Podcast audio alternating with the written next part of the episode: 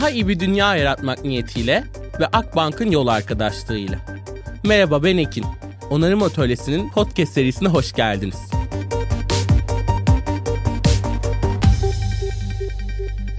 Herkese kocaman bir merhabalar. Onarım Atölyesi Podcast'in yeni bölümüne hoş geldiniz.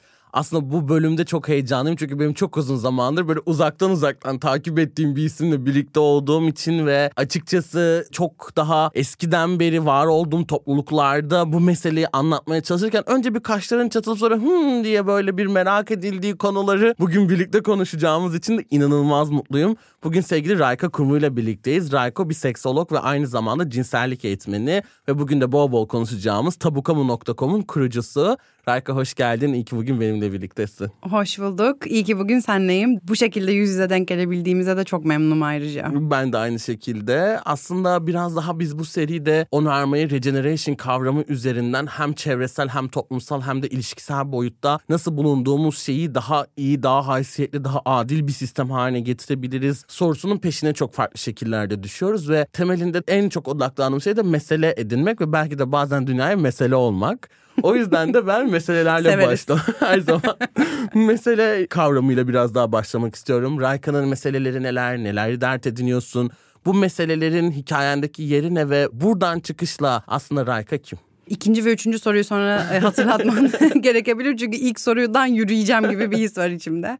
Benim en büyük meselem bence adalet yani özünde adalete geliyor dönüp dolaşıp. O da hani bilgiye erişim adaleti, herkesin cinsel sağlık, üreme sağlığı alanında adaletli bir yaşam sürebilmesi, hizmetlere erişim adaleti ya da hakkı olarak adlandırabileceğimiz bir seri adalet özünde. Ama bu adaletin dışa vurum biçimi benim çalışma alanımda ya da en azından dış dünyaya kendimi gösteriş biçimimde cinsel sağlık alanında cinsellik eğitimi yani kapsamlı cinsellik eğitimine erişim, bilgiye erişim bunlar benim meselelerim.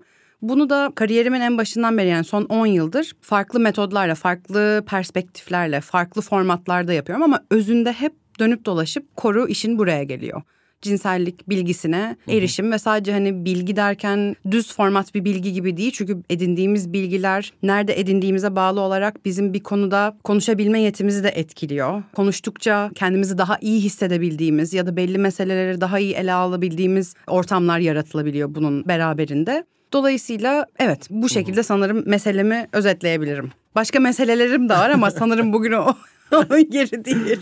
Şahane çok teşekkür ederim ve aslında dediğim gibi ben ilk duyduğumda da kamusal tabu kavramını açıkçası senden böyle duymuştum. Yani o kamu tabu meselesini de böyle keşfettiğimde çok heyecanlandırmıştım ve ben böyle kentte adalet, mekan işte kent üzerine pek çok şeye çok kafa yorduğum bir noktada işte müştereklerin satılması kamusal alanın zedelenmesi hep böyle mekan bağlamından ele alınıyordu. İşte sonra medya ile tanıştım. Medyanın da bir nasıl kamusal alan olduğunu Twitter duvarlarımızın keşfettiğim anda bu böyle gittikçe yıllar içinde kamusal tabu benim kafamda daha katmanlı bir hale geldi.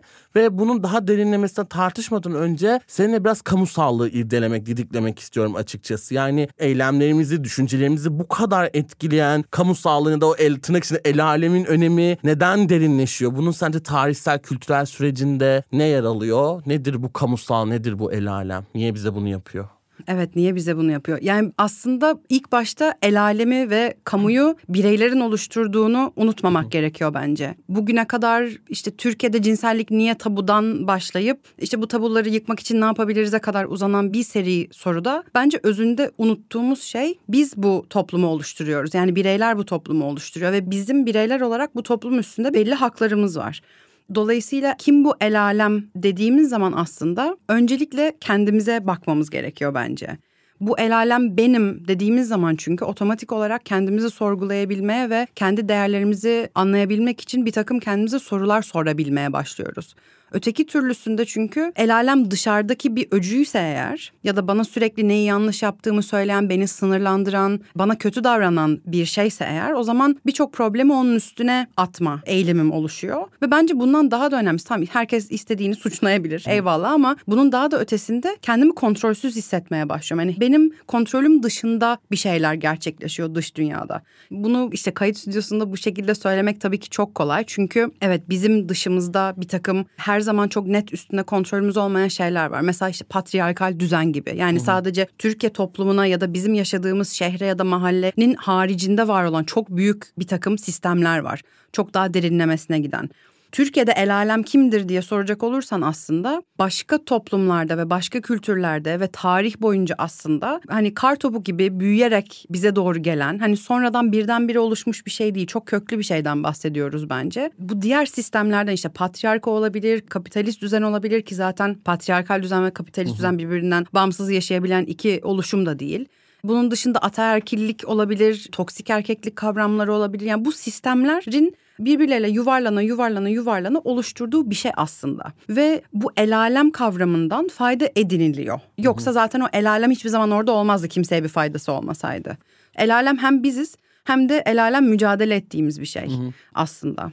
Burada özellikle şey beni çok mutlu eden cevaplardan biri oldu. Yani bunun bu kapitalist, o neoliberal ekonomik düzen içerisindeki bir şeyin parçası olduğunu görmek çok güzel. Çünkü biz hani onarım atölyesindeki podcast dışında da pek çok projemizde ana dokunduğumuz yer nasıl bizi bugüne kadar getiren o neoliberal ekonomi politikasının dışında yeni ekonomiyi yaratabiliriz gibi bir yerde ve yeni ekonomiyi konuştuğumuzda sadece böyle makro konularda büyüme, büyümeme bunlar üzerine yorum yapabilirmişiz gibi ama işte tam o ayrımcılık, kamusal tabular, yaşadığımız ayrışmalar aslında bu sistemin içerisinde sistemin devamlılığı için çok iyi oturtulmuş şeyler. Ben hep şey diyorum yani hiçbir sistem yanlış tasarlanmaz. Yanlış çıktıya odaklanarak tasarlanır ve içinde bulunduğumuz noktada sistemde aslında bir yanlışlık yok. Tam Evet. olarak bunların istendiği şekilde tasarlandı ve oturtuldu. O yüzden bunun bu ekonomiyle olan ilişkisini görmek, duymak bana çok çok iyi hissettirdi açıkçası.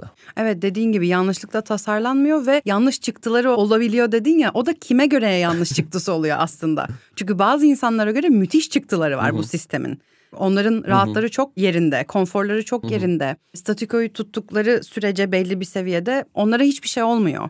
Onlar dediğimde işte el alemi oluşturan bazı bazılar diyelim. çok çok kıymetli yani özellikle şeyi de böyle dağıtıcı ekonomi çok önemli benim için şeyi çok sorguluyorum yani bir değeri bu iyi bir şey de olabilir kötü bir şey de olabilir pozitif ya da negatif ortadaki bir dışsallığı kime neye nasıl bölüyoruz Evet. ve içinde bulunduğumuz sistemde çok küçük bir grubun güzel olan her şeyi bu kadar alabilmesi aslında tam olarak da o el alemi konumlandırmasıyla da çok doğru konumlanıyor. Bu çok çok kıymetliydi. Yani özellikle kamusal sorunlardan, onun negatif etkilerinden en çok kim sorun yaşıyor? Tam olarak da onun antitezindekilerde her anlamda faydayı kendine toplayan yer oluyor. O yüzden bunun bu ekonomik anlamdaki o ki bence ekonomi çok büyük bir sosyal bilim zaten. O sosyalliğini yüz. görmek Evet. inanılmaz iyi geldi bana. Çok teşekkür ederim. Ekonomiden bağımsız hiçbir şey gerçekleşmiyor ve toplumsal cinsiyet meseleleri, cinsellik, üreme sağlığı, hizmetlere erişim, benim işte dert edindiğim konuların hiçbiri zaten bundan bağımsız gerçekleşemiyor. Burada söylemek istediğim bir şey daha hani konuştuğumuz birçok konu adaletsizliklere ve eşitsizliklere sebep veriyor ve adaletsizlik ve eşitsizliklerle özellikle sistematik adaletsizliklerle mücadele ederken bunlarla konforlu şekilde mücadele edemeyiz. Aslında el alemi biz oluşturuyoruz dememin en temel sebeplerinden bir tanesi de bu. Çünkü ben kendime dönüp bakabiliyorsam eğer ben kendi gündelik hayatımda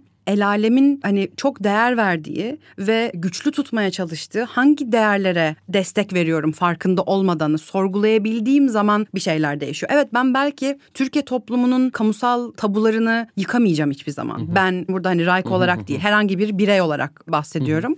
Ama ben kendi ilişkimde partnerimle olabilir, ebeveynlerimle olabilir, kardeşlerimle olabilir, çocuğumla olabilir, arkadaşımla olabilir. Bu bireysel ilişkilerde de biz aslında bu tabuları yaşatmaya devam ediyoruz. Ve bu el alemin değerlerini yaşatmaya devam ediyoruz. Evet çok kıymetli ve tam da buradan aslında biraz şeyi de sormak istiyorum. Kamusal tabu. Yani hem senin aslında bu projeni çok uzun zamandır yürüttüğün çalışmaları biraz duymak hem de nedir bu kamusal tabu, neyi neden, nasıl tabu haline getiriyoruz? Yani bu görünür görünmez tabuları nasıl tanımlayabiliriz? Böyle daha detaylı bir şekilde senden duymak özellikle tabukamu.com'u duymak, oranın önemini biz nasıl çoklaştırabiliriz'i genel perspektiften dinlemek çok isterim. Tabii. Aslında özel alanda olan şeylerin ya da bizim işte özel alan saydığımız ve kamusal alanda olan şeylerin bazen paralelliği ve bazen tezatlığı benim keşfettiğim bir şey asla değil zaten. Sadece Türkiye'de mesleğe başladığım zaman ve sosyoloji arka planlı olduğumdan da kaynaklanıyor bence. Yani o düşünme biçimiyle zaten yetiştirilmenin bir parçası bence bu. Ve hazırladığım bir konuşmaya hazırlanırken şey dedim yani. Ya o iki yüzlülüğün aslında kendimce tekrar keşfiydi. Türkiye'de cinsellik meselesinin yani cinselliğin bir mesele olmasının daha doğrusu. Ve bazı konuların bir yandan inanılmaz tabu sayılırken örneğin heteroseksüel hariç cinsel yönelimleri ele alalım. Birçok alanda, kamusal alanda tabu sayılan. Yani bu işte gerek gökkuşağı renklerinde olan ürünlerin işte son dönemlerde inanılmaz bir yasaklanma halinde olması. Bu işin tabii insana belki en zararsız kısmı diyelim. Yani o da zararlı ama işte hak ihlallerinden zaten bahsetmiyorum. İnanılmaz bir tabu konu. Ama öte yandan çok sağlıksız formatlarda mesela stadyumlarda bağırılan kavramlardan bazıları. Şunu demiyorum yani orada stadyumda bağırılan kavramlar sağlıklı cinsel yönelim belirteçleri ya da yaşanış biçimleridir demiyorum ama bir tarafta sağlıklı şekilde bazı konuları ele almak inanılmaz tabuyken bazı alanlarda da çok sağlıksız bir şekilde belli konuları spektrumun iki farklı ucundan bahsediyorum. Çok rahat bir şekilde dillendirebiliyorum. Ya da hani bir başka örnek yani bu da hani özellikle cinsel şiddetle mücadele alanında hani çok konuşulan konulardan bir tanesi. Cinselliği konuşamıyoruz. Hani bana hep soruyorlar cinsellik konuşulmuyor. Hayır cinsellik Türkiye'de konuşuluyor ve çok konuşuluyor. Ama sağlıklı biçimde konuşulmuyor. Yani hem cinselliğin yaşantımızın sağlıklı bir parçası olabileceği kısmı konuşulmuyor. Hem de konuşulduğu zaman insana iyi gelecek şekilde konuşulmuyor. Yani bunun şiddetle ilişkisi konuşuluyor. Ya da cinselliği bir şiddet aleti olarak kullanılması konuşuluyor. Bu inanılmaz bir tezatlık. Yani eğer tabuysa hiç konuşma o zaman kardeşim değil mi? Hani hem konuşmamak olumsuz konuşmaktan bence bazen daha iyi çünkü. İki sezonluk bir podcast'im vardı. Kamusal alanda tabusal konular. Kamusal alanda tabusal konuları çalışan insanları konuk ettiğim ve onlarla sohbet ettiğim bir podcast'ti. Hem de 2016 ya da 2017'de yaptığım TEDx'in konusuydu aynı zamanda. Zaten o TEDx'in altına gelen yorumları okursanız hani hani ne demek istediğimi şu ilk defa bugün duyuyorsanız onları okuduktan sonra hani anlayabilecek bence herkes. Ondan sonra da bu tezatlık üstüne çok gitmeye başladım. Tabukamu.com da aslında bu tezatlıktan adını alan ve gençlere ilişkilere dair bilgileri sağlıklı ve güçlendirici şekilde vermeyi hedefleyen bir web sitesi. İsminin hiçbir anlamı olmasını istemedim. Herkes de farklı çağrışım yapabileceğini düşündüm çünkü belli kelimelerin. O yüzden de tabu ve kamu kelimelerinin birleşiminden hı hı. o tezatlığı isim olarak birazcık daha tatlış bir şekilde vermeyi hedefleyen bir web sitesi. Ki bu web sitesindeki aslında önemli şeylerden bir tanesi özellikle yani genç bireylerde öğrenme süreci. Çünkü hiç bilmediğiniz cinsellikle ilgili, kendi vücudunuzla ilgili ve bence bununla çok bağlantılı gelecekte ne yapıp yapamayacağınızla ilgili size toplumun neyi dayatıp dayatmayacağı ile ilgili birçok şeyi çok yanlış yerlerden öğreniliyor ya da hiç öğrenilemiyor ve bunun getirdiği pek çok yanlışla birlikte bir toplumsal mekanizmalar içerisinde de sorun oluyor ve bazen çok basit soruları bile ele alıyor olmak ki sitede aslında bunlardan bolca var. Bunun da sorulur mu ki ya diyebileceğimiz Kesinlikle. pek çok sorunun oluyor olması da bence çok kıymetli. Çünkü bugün bir hijyen ürününü nasıl kullanmayacağını bilmeyen bir kız çocuğu bunu çok yanlış bir kaynaktan öğreniyorsa ileriki yaşamında da iş dünyasında bir kadın olarak belki de bir erkeğin yanında kendini var etmekte zorlanabiliyor. Hı hı. O yüzden bu birleşimleri görebiliyor olmak ve bunun özellikle kimin için ne kadar zor olduğunu, hangi alanda, hangi cinsiyette, hangi çocukluk yaş döneminde kimin konuşmasının daha zor olduğunu düşündüğümüzde gelecek dönemdeki o eşitliği temsil etmede de çok önemli bir yeri olduğunu düşünüyorum. Ben bir kere daha çok teşekkür ederim. Rica ederim. Umarım faydası bol olsun. çok teşekkürler. Ve bununla birlikte bu şey çok önemliydi. Yani spektrumun iki ucunda bir noktada çok sağlıklı bir şekilde oturup bir şeyleri konuşmak bir tabu gibi görülürken çok sağlıksız bir yerden, çok vahşi, eril bir yerden bunu yapabiliyor olmamız da çok kanıksanmış bir halde. Evet. Ve bu birbirimizle üzerinden kurduğumuz ilişkileri düşündüğümüzde kamusal tabuları tamamen işte erk egemen, hüküm sürenin makbul sınırları içerisinde oynayabildiğimizi görüyorum. Yani hem bunu bir böyle mi diye sormak istiyorum. Öyle. Hem de bununla birlikte bu tabular varken bunları asıl olan kaldırmak mı yoksa yönünü de çevirmek mi? Yani bu spektrumu change etmek mi? Buna Hı-hı. çalışmak yani zararlı bir yerden bunu yapmayı da yeni bir tabu haline dönüştürmeli miyiz? Yoksa tamamen mi tabuları kaldıralım? Hani bu erk egemenin makbul sınırları içerisindeki o tırnak izin alanının dışına nasıl çıkabiliriz? Bence buradaki en iyi mücadele araçlarından bir tanesi sorgulamak. Yani bazı tabuların çünkü koruyucu özellikleri de var.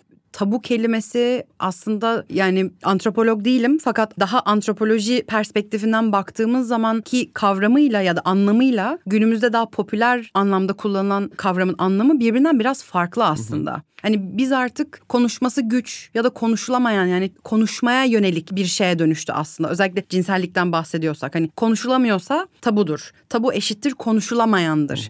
Ama halbuki konuşmanın ötesinde cinselliğin hem hayatımızdaki yeri zaten çok yönlü ve çok katmanlı ve konuşmanın haricinde de tabuların hayatımıza çok ciddi müdahale ettiği yerler var bir yere gidip gidememek olabilir, bir hizmete erişip erişmemek olabilir, kendi vücudunla ilişkin olabilir. Yani bunların içinde konuşmak ya da o diskur oluşturmak, alan oluşturmak falan bunlar yok.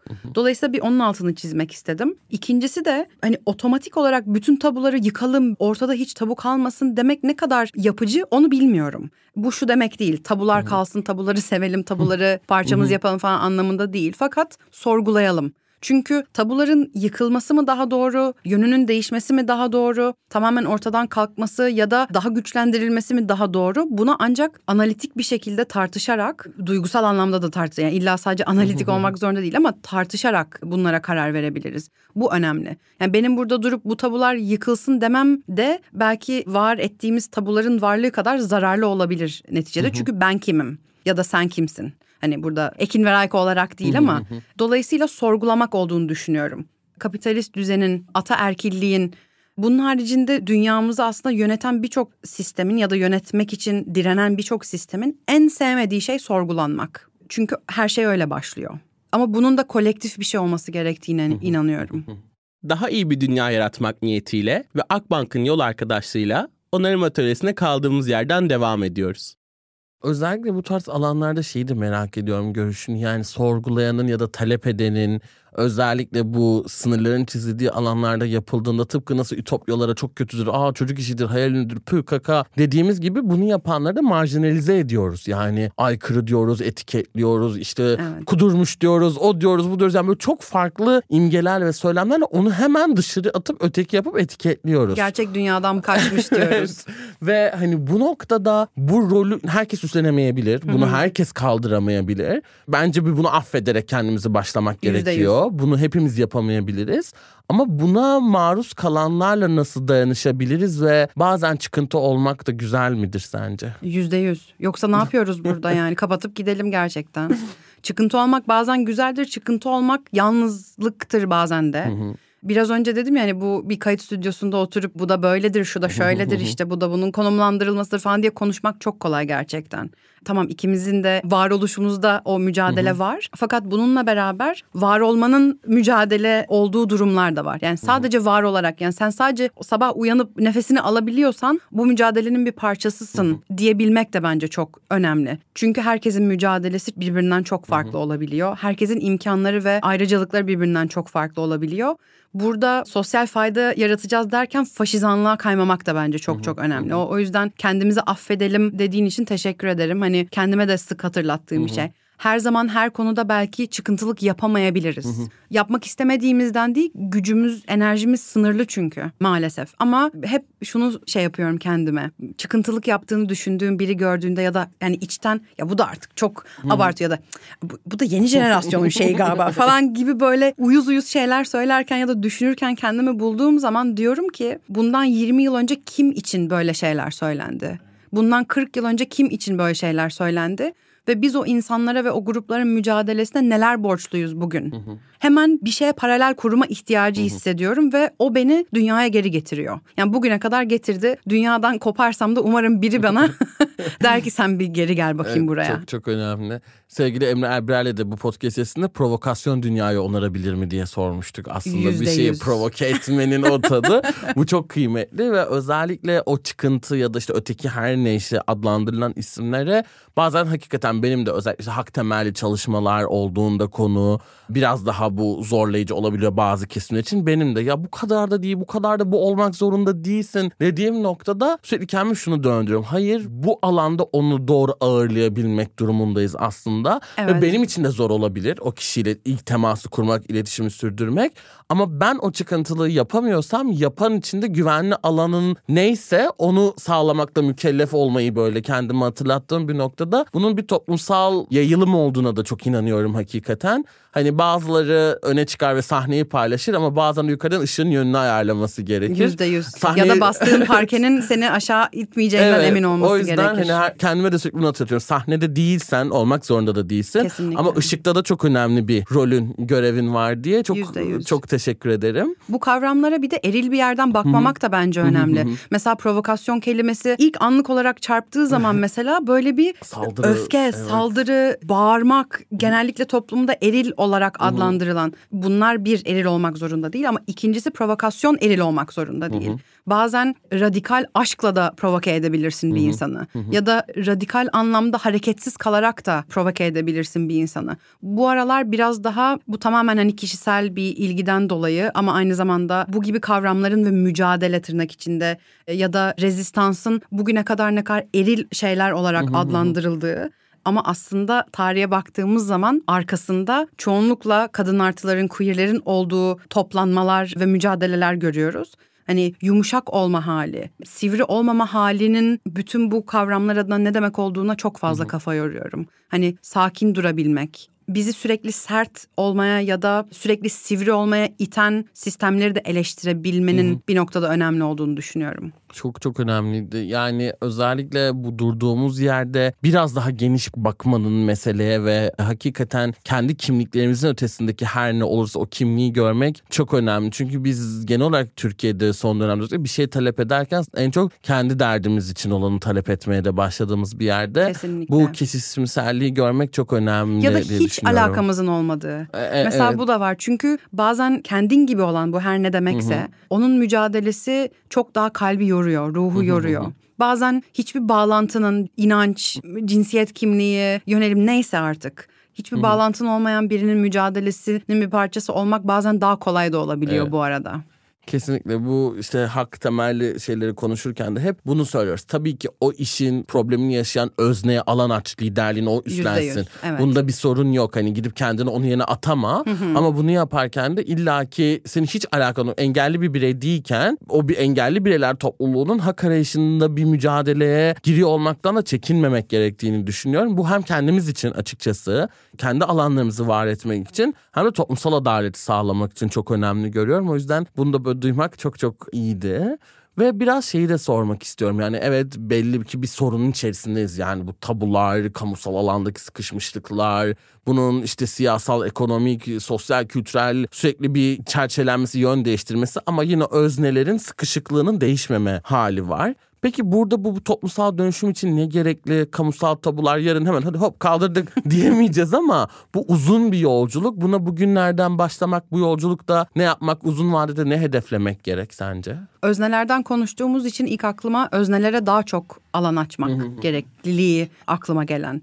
Birine alan açıyorsan sende bir güç var demek. Çünkü zaten yoksa o alan senin olmazdı hiçbir zaman. Dolayısıyla kendimizi ne kadar rahatsız hissediyoruz? Bence bu çok önemli bir soru. Çünkü kendimizi rahat hissediyorsak bir şeyleri doğru yapmıyoruz demek. Özellikle hani toplumsal boyuttaki sorunlarla mücadelede ya da tabuların yıkımı ya da tabuların sorgulanması buna her ne diyorsak. Konforumuz çok yerindeyse bir değişiklik olmuyor ya da bir değişim dönüşüm olmuyor demek bence çoğunlukla. Öznelere alan açılması ya da biraz çenemizi kapatıp özneleri dinlemek gerçekten ve onların çizdiği yolda ilerleyebilmek. Bu sadece Türkiye'nin meselesi değil, yurt dışında birçok ülkede de bu sorunsal var. Özellikle belli alanlardaki kimliklerin bir şekilde kendi deneyimlerinin bilir kişisi olamayacaklarının inancı madde kullanan insanlar, seks işçileri, bazı durumlarda kadın artılar, queer insanlar, çocuklar ve gençler, herhangi bir engel ile yaşayan insanlar. Bir şekilde toplumda işte analık babalık edilmeli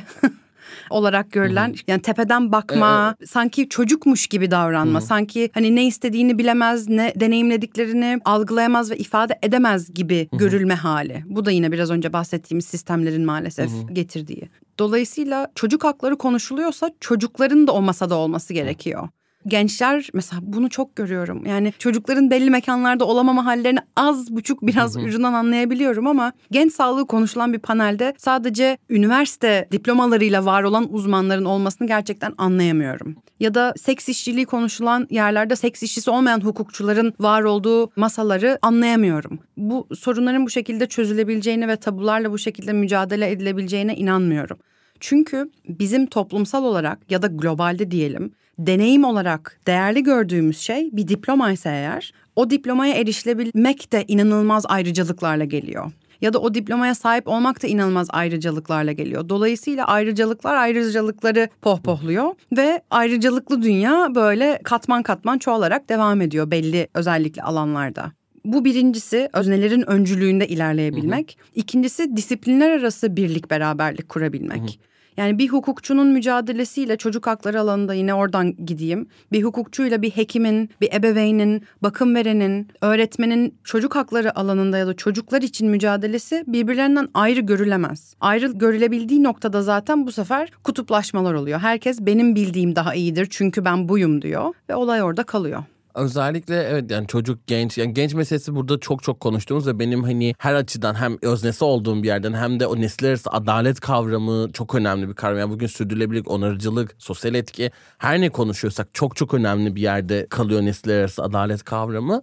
Ve o noktada benim çok savunculuğunu da yaptığım bir yer. Hakikaten yani böyle belli kazanımları elde ettiğim, belli yerlerde çok çarpıp düştüğüm ve çok fazla akranımda artık bunu gördüğüm ama hani biz sadece gençlik politikaları konuşurken de olmayacağız. Her şey konuşulurken aslında olmasa Kesinlikle. da olacağız. Çünkü geleceği de bugün birlikte yaratıyoruz ve senin bugün aldığın karar 10 yıl sonrayı çok net bir şekilde etkileyecek. Yani hadi sadece yeni... Ve onu etkilemeyecek çünkü o belki burada olmayacak bile. Evet ve hani yeni yeni hadi gel gençlik konusunu seninle konuşalım deme lüksünün hiçbir kurumun oluşumun olmadığına inanıyorum kesinlikle. O yüzden genç kavramının işte kadın gibi kadın ve genç hep şeydir ya siyasi partilerde de ayrı bir yerde tutulur ayrı Evet. kadın kolları hani bir siyaset vardır bir de onun kadın Evet. ve genç kolları Biz çünkü vardır. şey birbirimizin saçlarını fırçalayıp oje sürüyoruz birbirimize o yüzden. Hani bu iki kavramın ayrımcılık temeli de bu kadar aynı yerden gelirken çok önemli bir kavram olduğunu düşünüyorum. Buraya çok deşmeyeceğim. Bu apayrı böyle bir bölüm Evet, ve tartışma kesinlikle. konusu kesinlikle. O yüzden böyle son olarak da biraz şeyi sormak istiyorum.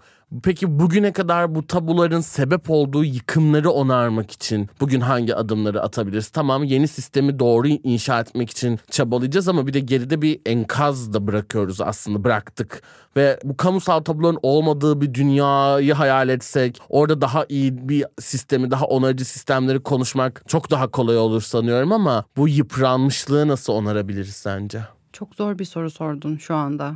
Nasıl onarabiliriz bu yıkımı? Yani biraz önce bahsettiğim şeyler aslında bence bağlantılı ama bunun da ötesinde ayrıcalıklı olanların ve güç sahibi olanların birçok konuda başarısız olduğunu kabul etmeleri artık. Yani bu başarıdan kastım yine hani bir şeyi başarmışlıktan değil ama bir önceki jenerasyonun bizden yani ben 33 yaşındayım. Benim bir üst jenerasyonum ve onların bir üst jenerasyonunun evet dünyada yaptığı çok güzel şeyler var. Fakat öngöremediği ve yapamadığı da çok fazla şey var. Yani iklim krizi mesela bunlardan bir tanesi. Ve yeni jenerasyona bununla mücadele etme bizim için artık lüks değil. Hele ki bizden sonra yani benden sonraki jenerasyon için artık hani Z jenerasyonu için şu anda lisede, üniversitede olan insanlar için böyle iklim konusu bir ya hani enerjin varsa mücadele edersin falan değil yani. Onlar için gerçekten en hayati meselelerden bir tanesi ve iklim kriziyle mücadelenin öncülerinin genç insanlar olması da hiç şaşırtıcı değil mesela. Çünkü niye? Bir üst jenerasyonlar bakalım gerçekten dünya ısınıyor mu? Hakikaten buzullar eriyor mu? Bir düşünelim. E bunun ekonomik anlamda bak yine ekonomiye geliyor her şey. Karlılığı nasıl etkiliyor? Kesinlikle